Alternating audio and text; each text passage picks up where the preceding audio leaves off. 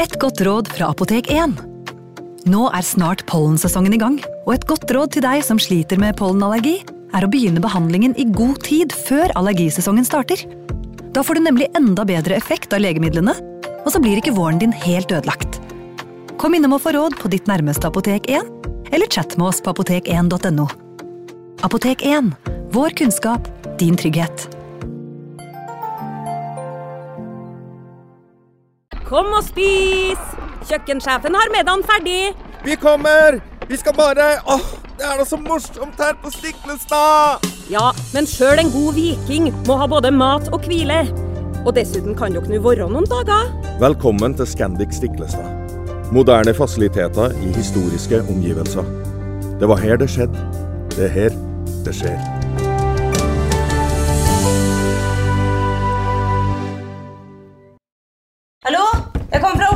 Fra Ine Jansen er purk. Er du purk? The motherfucking bitch. Alt jeg vil, er å finne ut hva som skjedde med mannen min. Jon Carew. Er jeg sikta for noe? Iben Akeli. Det er du.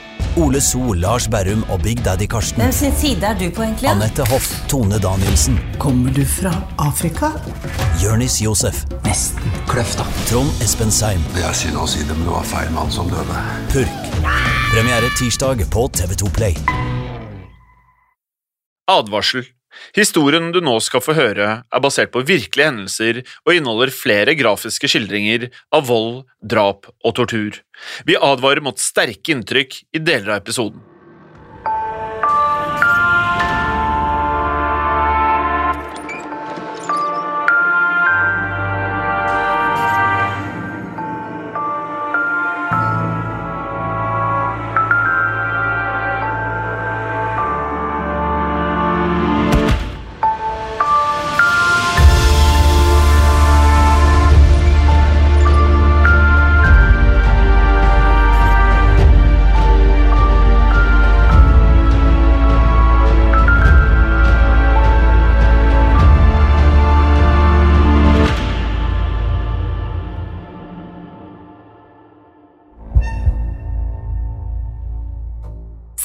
Tallet var en turbulent periode i Europa. På fastlandet herjet 30-årskrigen mellom de europeiske statene, og i England brøt det ut borgerkrig i 1642. Sistnevnte skulle føre til en total omveltning av samfunnet.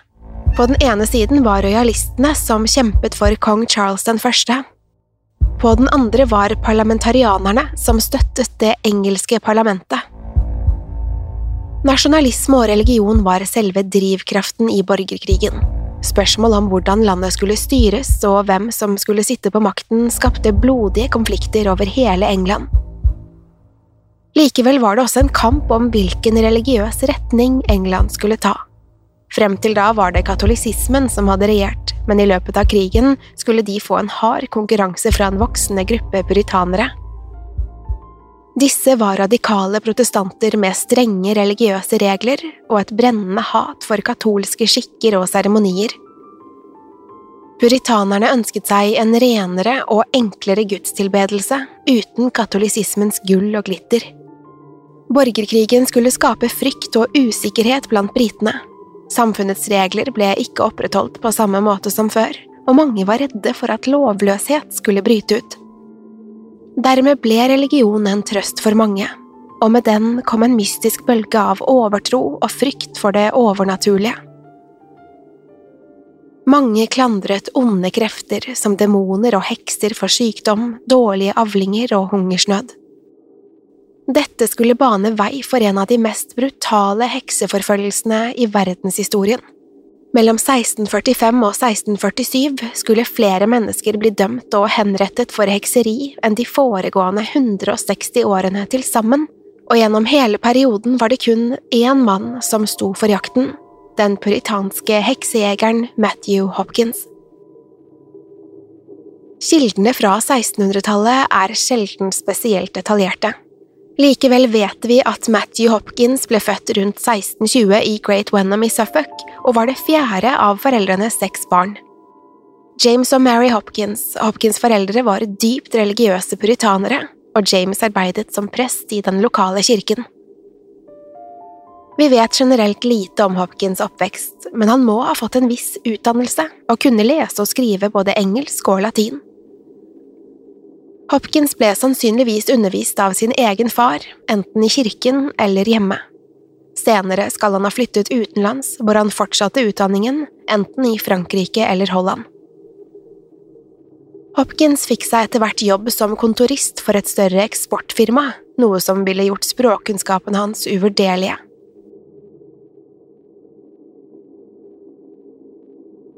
Da han var i begynnelsen av 20-årene, så flyttet Hopkins til landsbyen Manningtree i Essex.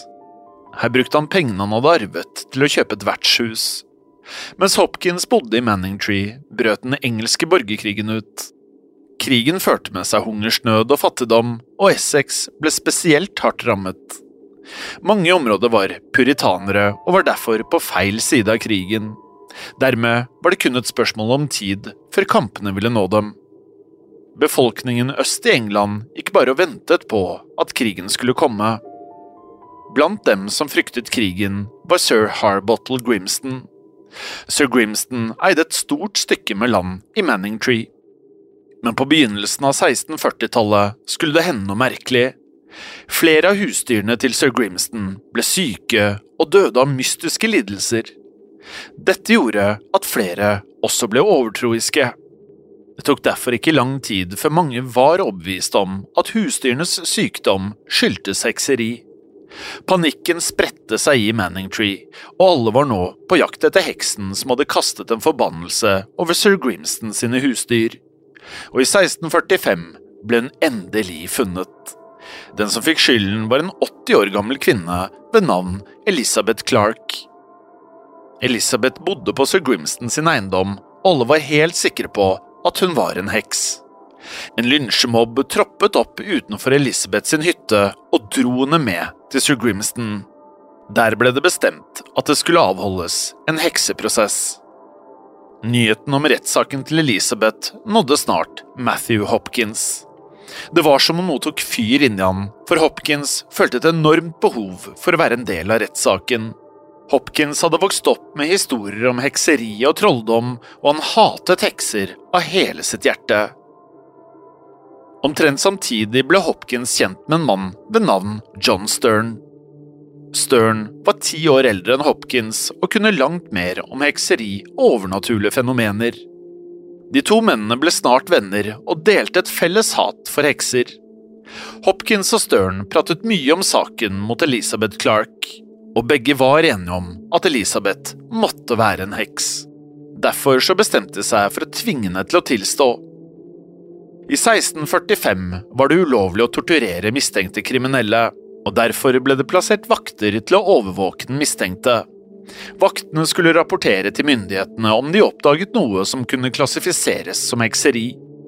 Elisabeth var blitt overvåket i flere dager, men enn så lenge hadde ikke vaktene sett noe mistenkelig. Men det skulle endre seg da Hopkins og Stern overtok jobben, for de hadde nå klart å overtale vaktene til å la dem overvåke Elisabeth. Det var til tross for at de ikke hadde noen erfaring som heksevakter. Hopkins og Stern tok Elizabeth Clark med til Hopkins vertshus.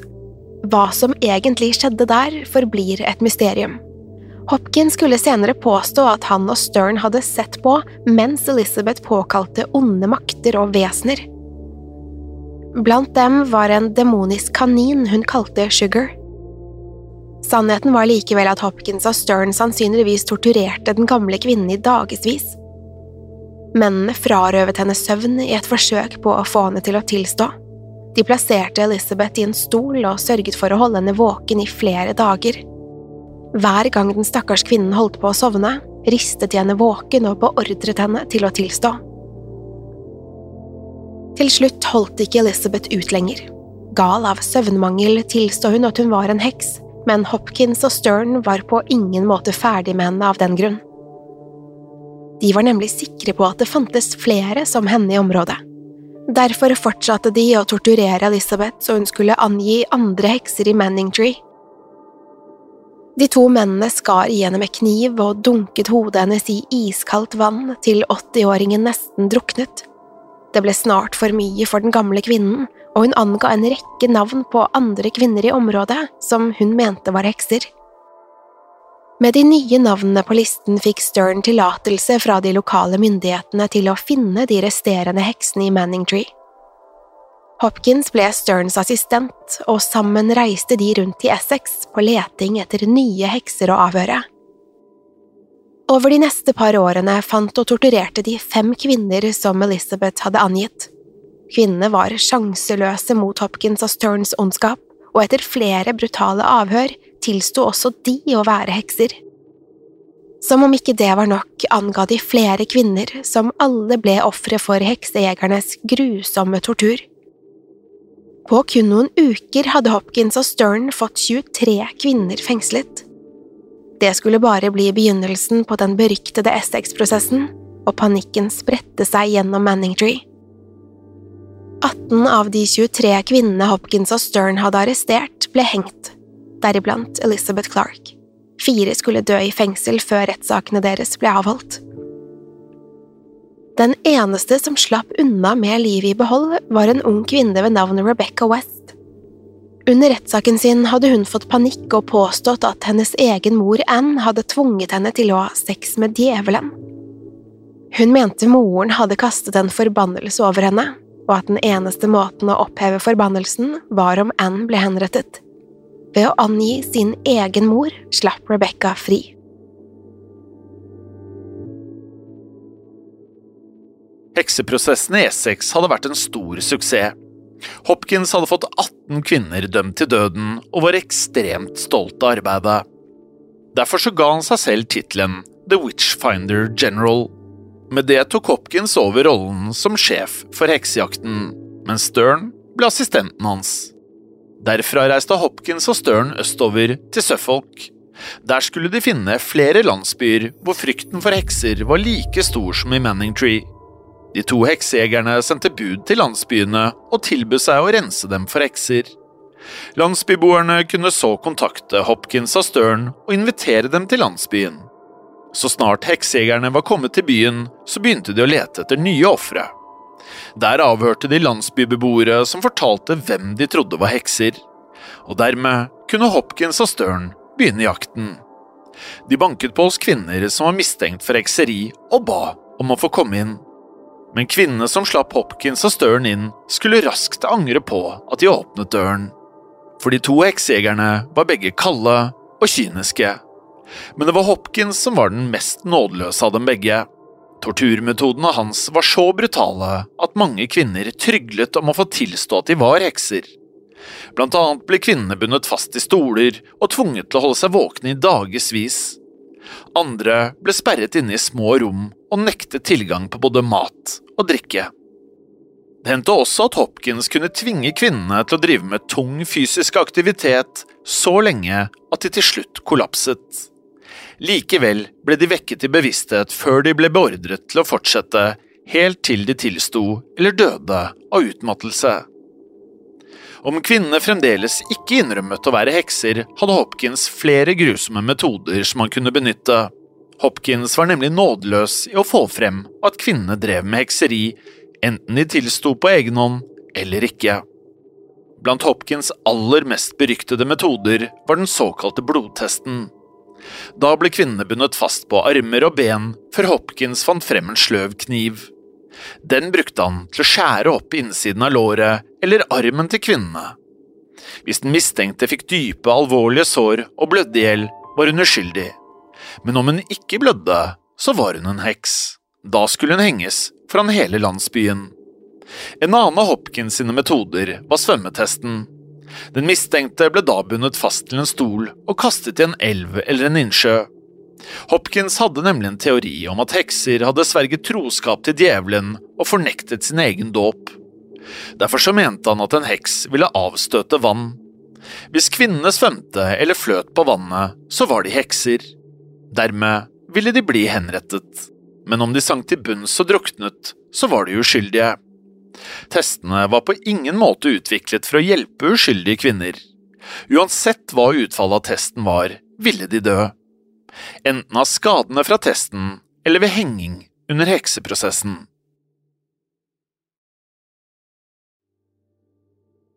Hopkins og Stern reiste rundt i Essex og Suffolk og renset landsbyene for dem de mente var hekser.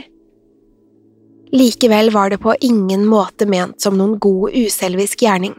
De to heksejegerne tjente nemlig store penger på å torturere potensielle hekser. Ved kun ett landsbybesøk kunne de tjene opptil 23 pund, nærmere 66 000 kroner i dagens valuta. Død og tortur skulle altså gjøre Matthew Hopkins til en rik mann. Likevel var det aldri Hopkins og Stern som sto for selve henrettelsene. De to heksejegerne reiste fra landsby til landsby og dømte utallige kvinner til døden, men når udåden faktisk skulle utføres, var Hopkins og Stern for lengst forsvunnet. Hopkins og Stern etterlot seg et blodig spor hvor enn de reiste. Blant de verste tilfellene var i august 1645, da en 80 år gammel prest ved navn John Lowes ble tvunget til å løpe på stedet i timevis. Til slutt falt han død om på bakken av ren utmattelse. Noen uker senere ble 18 kvinner og menn hengt side om side utenfor landsbyen Bury St. Edmunds i Suffolk. Det var nemlig ikke bare kvinner som ble sendt til galgen av Matthew Hopkins. Gjennom hele sin karriere som heksejeger fikk Hopkins nærmere 20 menn dømt til døden ved henging. Blant dem var tre ektemenn som ble myrdet sammen med konene sine. Det var likevel ingenting i forhold til antallet kvinner som måtte lide under The Witchfinder General. Det finnes ingen konkrete tall, men det er estimert at over 200 kvinner ble henrettet som hekser etter å ha blitt avhørt og torturert av Matthew Hopkins. Det var ingen tvil om at Hopkins allerede var beryktet som en brutal og nådeløs mann. Likevel skulle hans mest grusomme og hensynsløse hekseprosess komme i september 1645. En mørk kveld hadde Hopkins og Stern ankommet byen Ipswich. Der skulle de spore opp en kvinne ved navn Mary Lakerland. Mary var enke av en avdød barberer. Mange i Ipswich mistenkte at Mary hadde inngått en pakt med djevelen, og at hun var blitt beordret til å myrde sin egen ektemann. Hopkins og Stern anholdt Mary og torturerte henne i dagevis. Til å begynne med nektet hun for å ha drevet med hekseri, men ettersom torturen ble mer brutal, begynte hun å tilstå, om bare for å få en slutt på de uutholdelige smertene. De to heksejegerne fikk Mary til å tilstå at hun hadde inngått en pakt med djevelen, og at hun kunne påkalle onde vesener som skadet og drepte andre landsbybeboere. Deriblant tilsto hun å ha sendt et slikt vesen til en lokal kvinne og myrdet henne kun fordi kvinnen ikke ville låne henne en stoppenål. I tillegg fikk Hopkins henne til å tilstå at hun hadde forhekset en hund og sendt den for å plage en nabo og barna hans. Til slutt tilsto hun også å ha brukt heksekunster for å ta livet av sin egen ektemann. Hopkins og Stern dømte Mary til døden, men i stedet for henging ble det bestemt at hun skulle brennes levende, midt på markedsplassen i Ipswich. Hopkins og Stern forlot byen like før Mary ble bundet fast til bålet. I lommen klirret myntene de hadde samlet inn for jobben. De ble nesten overdøvet av de fryktinngytende skrikene fra Mary i det fjerne, idet flammene fikk huden hennes til å boble. En mørk røyksky hang over byen og steg opp fra asken av Marys kropp.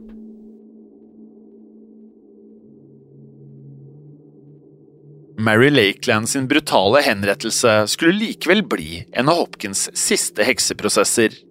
Heksejegerne jobbet sjelden i det skjulte, men nasjonale myndigheter var likevel ikke klar over akkurat hvor brutale Hopkins og Stern var. Etter at Hopkins besøkte landsbyen Bury St. Edmunds, hadde det brutt ut fullstendig heksepanikk. Da parlamentet fikk høre at Hopkins hadde arrestert 100 kvinner i landsbyen, ble de nødt til å gripe inn. Myndighetene mente at det umulig kunne finnes så mange hekser i en landsby. Og det virket nå som at Hopkins var en langt større trussel for samfunnet enn hva heksene var. Derfor så sendte myndighetene sine egne heksejegere til Bury St. Edmunds.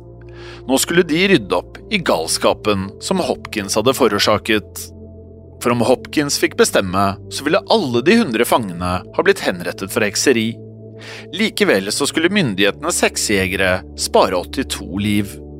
Kun 18 mennesker ble hengt i Bury St. Edmunds i august 1645, men i forhold til Matthew Hopkins så fremsto myndighetenes heksejegere nærmest som fornuftige. Etter all torturen og drapene begynte folk endelig å innse hvor morbide metodene til Hopkins var. Høsten 1645 skulle parlamentarianerne få overtak i borgerkrigen. Derfor var ikke frykten blant befolkningen like stor lenger. Hungersnøden og fattigdommen under krigen hadde vært bakgrunnen for heksepanikken, men nå så det ut til å roe seg, og nå kunne folk rette oppmerksomheten mot å få en slutt på de brutale hekseprosessene. I begynnelsen av 1646 begynte folk å vende seg mot Hopkins. Blant dem var en puritansk prest ved navn John Gaul. Gaul trodde selv at hekser var en fare for samfunnet, men selv han forsto at Hopkins var ute av kontroll. Derfor publiserte han et hefte hvor han fordømte Hopkins og massemordene han hadde forårsaket. Hopkins ble rasende av det Gaul hadde skrevet. Derfor skrev han et brev tilbake til presten i brevet så truet han med å komme og jakte hekser i Gaul sin landsby om presten våget å kritisere han igjen. Likevel lot ikke Gaul seg skremme, og han fortsatte å fordømme Hopkins sine groteske metoder. Over de neste månedene så fortsatte Hopkins og Stern å reise rundt. Som tidligere så tilbød de seg å rense landsbyene for hekser, men denne gangen var de ikke lenger velkommen.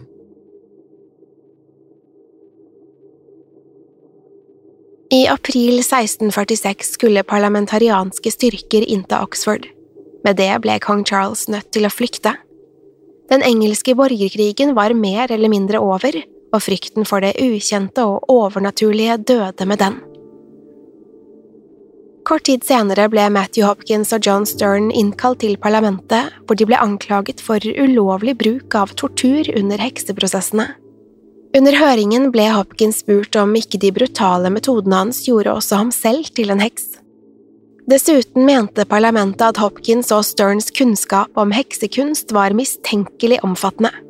Kun en heks ville kjenne til alle trolldommens hemmeligheter, slik som Hopkins og Stern gjorde. De to heksejegerne protesterte, men det var allerede for sent.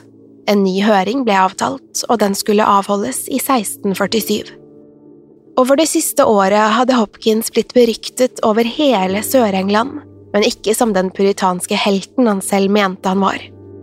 Hopkins ble nå sett på som en bedrager og en morder som hadde sendt utallige, uskyldige mennesker til galgen.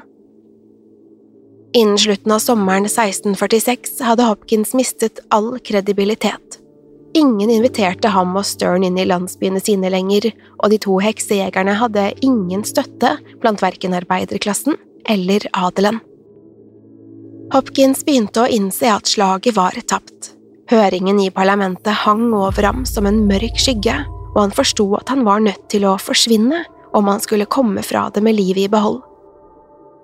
I begynnelsen av 1647 forkastet han tittelen sin som The Witchfinder General og flytte tilbake til Manningtree hvor han pensjonerte seg. Hopkins' karriere som heksejeger hadde vart mindre enn halvannet år, men likevel hadde det resultert i over 200 henrettelser. Hopkins hadde tjent seg opp en liten formue som heksejeger. Pengene skulle han bruke til å publisere en bok om hekseprosessene sine ved navnet The Discovery of Witches. Boken skulle etter hvert nå de nye koloniene i Amerika, og satte i gang en omfattende heksepanikk. Hopkins bok skulle derfor bli selve drivkraften bak de beryktede hekseprosessene i Salem i 1692. Matthew Hopkins skulle likevel ikke leve lenge nok til å oppleve den nådeløse heksejakten i Salem. I det som skulle bli et stikk av brutal urettferdighet, skulle han ikke engang straffes for massakren han hadde forårsaket på den engelske landsbygden. I august 1647, i en alder av 27 år, døde Matthew Hopkins, sannsynligvis av et alvorlig tilfelle av tuberkulose. Med ham døde også majoriteten av heksehysteriet Hopkins selv hadde vært med på å skape. Det skulle fremdeles avholdes hekseprosesser i England over de neste årene, men de fleste kvinner mistenkt for hekseri ble frikjent. Den siste til å bli henrettet for hekseri i England var Alicia Molland i 1684. I 1735 ble trolldomsloven i England avskaffet. Knappe 50 år senere ble den siste europeiske heksehenrettelsen fullbyrdet i Sveits. I løpet av de foregående 300 årene var nærmere 200 000 mennesker blitt hengt, brent på bålet eller halshugget for hekseri. Matthew Hopkins alene var ansvarlig for over 200 av disse. Matthew Hopkins var nådeløs og brutal, og brukte makabre metoder i jakten på de han mente var hekser. Selv når bevisene ikke var å finne, tvang Hopkins frem tilståelser ved å torturere ofrene sine til de ikke holdt ut lenger. For mange var det bedre å tilstå hekseri og bli henrettet enn å bli utsatt for den umenneskelige torturen.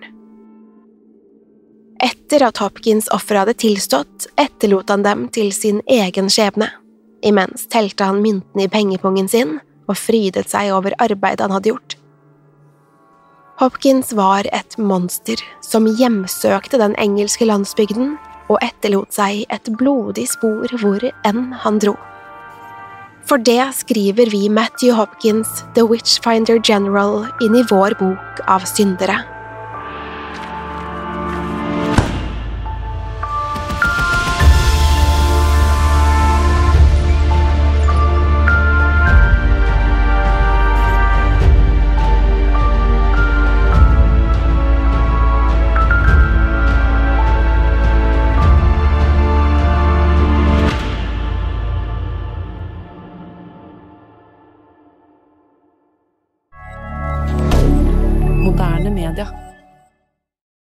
Har du et enkeltpersonforetak eller en liten bedrift? Da er du sikkert lei av å høre meg snakke om hvor enkelt det er med kvitteringer og bilag i fiken, så vi eh, gir oss her, vi.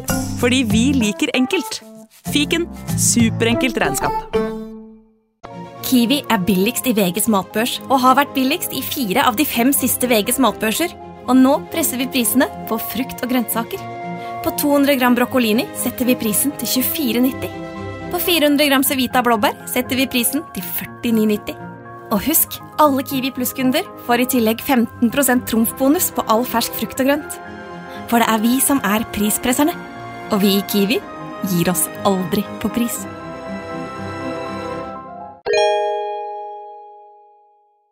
Hei, takk for at du lytter til Synderne. Skulle du ønske at du kunne høre en ny episode av denne podkasten hver eneste uke? Vel, da er det bare å laste ned podkastappen Untold med en gang. I tillegg til ukentlige episoder av podkaster som Skrekkpodden, True Crime-podden og Henrettelsespodden, får du masse annet reklamefritt og eksklusivt innhold. Last ned Untold i AppStore eller Google Play, og start din 30 dagers prøveperiode i dag. Untold